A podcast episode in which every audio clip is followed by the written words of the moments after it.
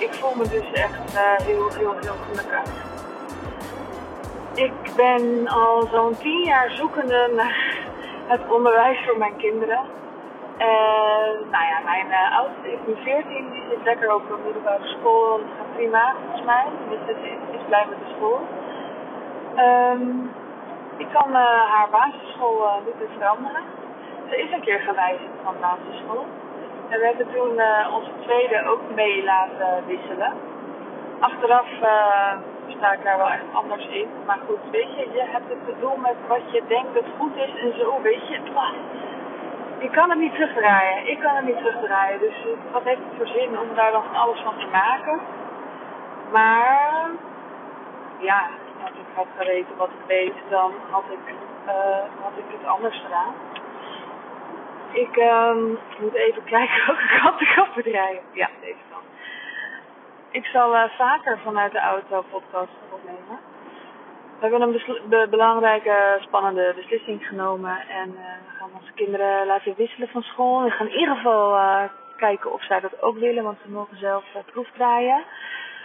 Uh, vind ik ook wel weer spannend, want wat als ze het niet willen? Dan zijn, ben ik op het punt dat ik denk, ja, dit is het. En ik ben, klopt eindelijk. Uh, ik hoef geen concessies meer te doen aan wat ik voel. En dat is voor mij zo groot. Um, toen ze van een vrije school wisselde naar een reguliere school, heb ik er wel mee geworsteld dat ik dacht, wow, school is natuurlijk niet voor de volwassenen, maar de pijn is er wel voor mij. Toen ik de vrije school verliet, dacht ik, uh, dit was mijn stam dus. En niet alleen de vriendinnen die ik daar opgedaan heb, maar juist ook, ik noem ze de figuranten. De mensen die op zo'n schoolplein rondlopen, die je gewoon alleen maar groet, die er gewoon zijn. Dat komt nog echt wel het dichtste bij een stam. Um, en dat waren natuurlijk mensen, of dat was een sfeer en mensen en alles wat ik kwijtraakte toen ze van de vrije school weggingen. En ik vond dat echt wel moeilijk. Bij de nieuwe school heb ik ook helemaal geen behoefte gehad om mijn netwerk weer aan te wakkeren. Ik weet niet of dat ook het verschil is in fases. Dat kan ook hoor. Ik ben gewoon inmiddels uh, echt uh, ook een werkende moeder die uh, enorm eigen netwerk heeft opgebouwd met collega ondernemers en zo. Dus ik denk dat die behoefte bij mij ook echt veel minder is geworden. Maar wel dat ik dacht van, oh ja, ja het is ook wel, zo'n vrije schoolkeus kan ook voelen als het, uh, het, het uitleven van je eigen verlangens of zo. Dat dacht ik toen. En nu denk ik er weer anders over. Ik denk ook, ja, het is niet alleen de verlangens. Het gaat niet om dat ik mijn eigen jeugd wil herbeleven. Maar het is wel dat ik wil serieus nemen wat ik voel dat klopt. En ik voel dat een, heel, ja, gewoon een reguliere school met een belachelijk fantastische kleutertijd, die ook heel warm is en heel fijn, dat wil ik ook even gezegd hebben. Maar een reguliere school, zeker vanaf groep 3 dan, um, daar voel ik echt van alles bij in dingen waarvan ik denk, ik kan daar niet achter staan. Maar wat er bij mij dan gebeurt, ik ga er ook niet, ik ga niet de hele lopen aankaarten. Omdat ik ook voel, het is niet realistisch hier.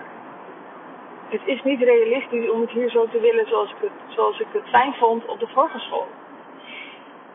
Ik heb er zelf voor gekozen om te wisselen en ik wist dat het minder warm zou zijn dan een vrije school. En ik wist dat er uh, dingen weg zouden vallen, bepaalde vakken weg zouden, vallen, een bepaalde sfeer weg zou vallen. Ja, vakken als gewoon um, prachtige mythische verhalen horen en uh, hele creatieve vakken, of eigenlijk niet eens misschien heel creatief uh, op, op, in het denken, maar creatief uh, handvaardigheid. Dus echt, een, echt mooie technieken leren en veel met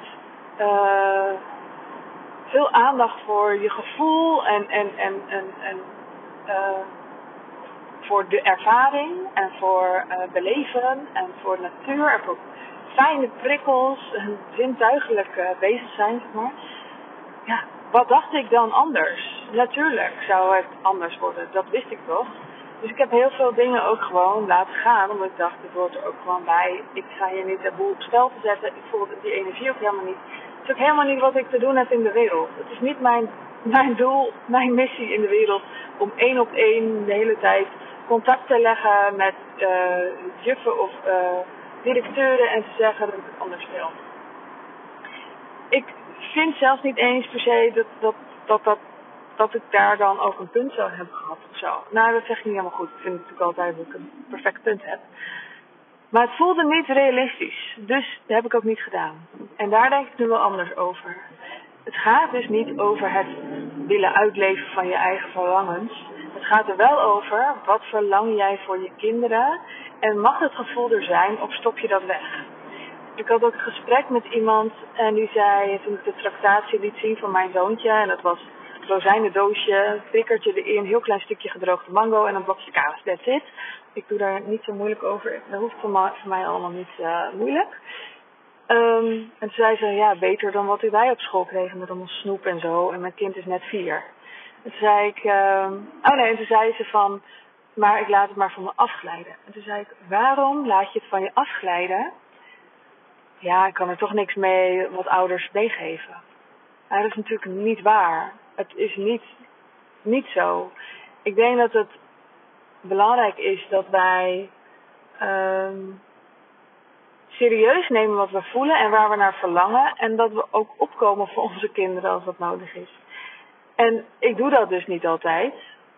Soms wel, als het me te gortig wordt. Maar ik ga niet alles lopen aankaarten van, oh, kan dat niet beter, kan dat niet beter. Ik denk dus dat het ervan afhangt wat voor type je bent. Uh, ik ga liever naar de bühne en probeer daar mijn invloed positief uh, te uiten, te hebben. Um, maar ik denk wel dat, dat zo'n keuze, bijvoorbeeld voor een school, dat dat gaat om uh, dat je mag verlangen naar hoe het voor jou klopt dat het voor je kinderen zal zijn. Dat is een hele vage zin, maar ik denk toch dat het waar is, dat ik zeg. Um, ik denk dat het belangrijk is dat wij dat gevoel niet wegstoppen. Zeker niet als vrouwen. Ik denk dat er verschillen zijn tussen mannen en vrouwen. En ik denk dat een van de verschillen is dat wij als vrouwen dat vuur voelen. Dat vuur voelen van zo moet het en, en zo wil ik het niet. Eigenlijk vooral als het wat ze niet wil. En dat je kunt staan voor uh, wat je belangrijk vindt voor je kind. Nou, wij gaan dus uh, waarschijnlijk uh, wisselen van school, als de kinderen daar ook oké okay vinden. En daar zal ik nog wel meer over vertellen. Maar het gevoel dat bij mij vrijkomt is vooral nou, heel veel, een soort bevrijding dat ik dus nu echt ga voor wat er, wat, ik, wat er klopt voor mij en dat ik dat serieus neem. En als ik dat op dit vlak serieus neem, neem ik het ook op andere vlakken serieuzer. En ik nam het al serieus op andere vlakken, dus moest ik het ook op dit vlak. En het versterkt ook al allemaal. Maar ja, ik hoop dat je begrijpt wat ik bedoel. Ik denk dat het heel belangrijk is. En uh, ik denk dat wij uh, ook echt ons daar niet klein uh, moeten houden. Wij, uh, ja. Nou ja, dat dus. Ik hoop uh, dat je hier iets mee kunt. En ik hoop uh, dat ik je heb geïnspireerd om uh, bijvoorbeeld je mond open te trekken. Om ergens voor te gaan. En ik wens je een hele fijne ochtend, middag, avond, nacht. En tot de volgende keer. En als je hier iets over wilt delen, stuur me een berichtje op @sandyzachte. Doei doei! Oh ja, nu je toch nog luistert, ik heb besloten dat mijn traject Zachte Bouwers weer gaat starten. Vorig jaar heb ik het als een intensief traject aangeboden. Dit jaar maak ik hem voordeliger en kun jij voordeliger meedoen. En ik heb ook nog een lekker dik vet aanbod. Want als jij aanmeldt voor 31 januari, dan krijg je nog een lekkere korting. Kijk dan op sandyzachte.nl bij Zachte Bouwers. Ik zal je even iets meer vertellen over het programma, want je gaat uh, leren hoe je veel meer rust in je leven inbouwt, maar toch je bedrijf laat groeien. Ik heb dat zelf ontdekt door, nou ja, door schade en schande en zo. Um, ik heb veel te hard gewerkt, ik heb te zacht gewerkt, ik heb te veel gedaan wat niet bij me hoorde, ik heb te weinig gedaan wat wel bij me hoorde. Ik heb het allemaal ontdekt en ik wil jou uh, eventjes helpen om een paar fouten te voorkomen. En het is echt wel um, een heel uitgebreid uh, traject met heel veel modules. En je hoeft niet allemaal, allemaal te doen, maar je kunt er gewoon lekker een jaar lang in struinen. We gaan acht weken samen op. Dus acht weken lang uh, zijn die modules sowieso beschikbaar. En ga ik elke week een QA doen met het als onderwerp de module. Dus dan kun je ook gewoon al je vragen stellen. Ik zal dan altijd even samenvatten wat er in die module geweest is. En dan is er heel veel ruimte voor vragen. En het is dus ook een stuk voordeliger dan vorig jaar. Je kunt kijken op sandyzachte.nl. Kijk bij Zachte Bouwers. En tot en met 31 januari is er dus een dikke vette vroege vogelkorting voor jou. Kijk vooral eventjes. En mocht je vragen hebben of mocht je je afvragen of het echt voor jou is, zoek me op op Instagram bij Sandy Zachte. Doei doei!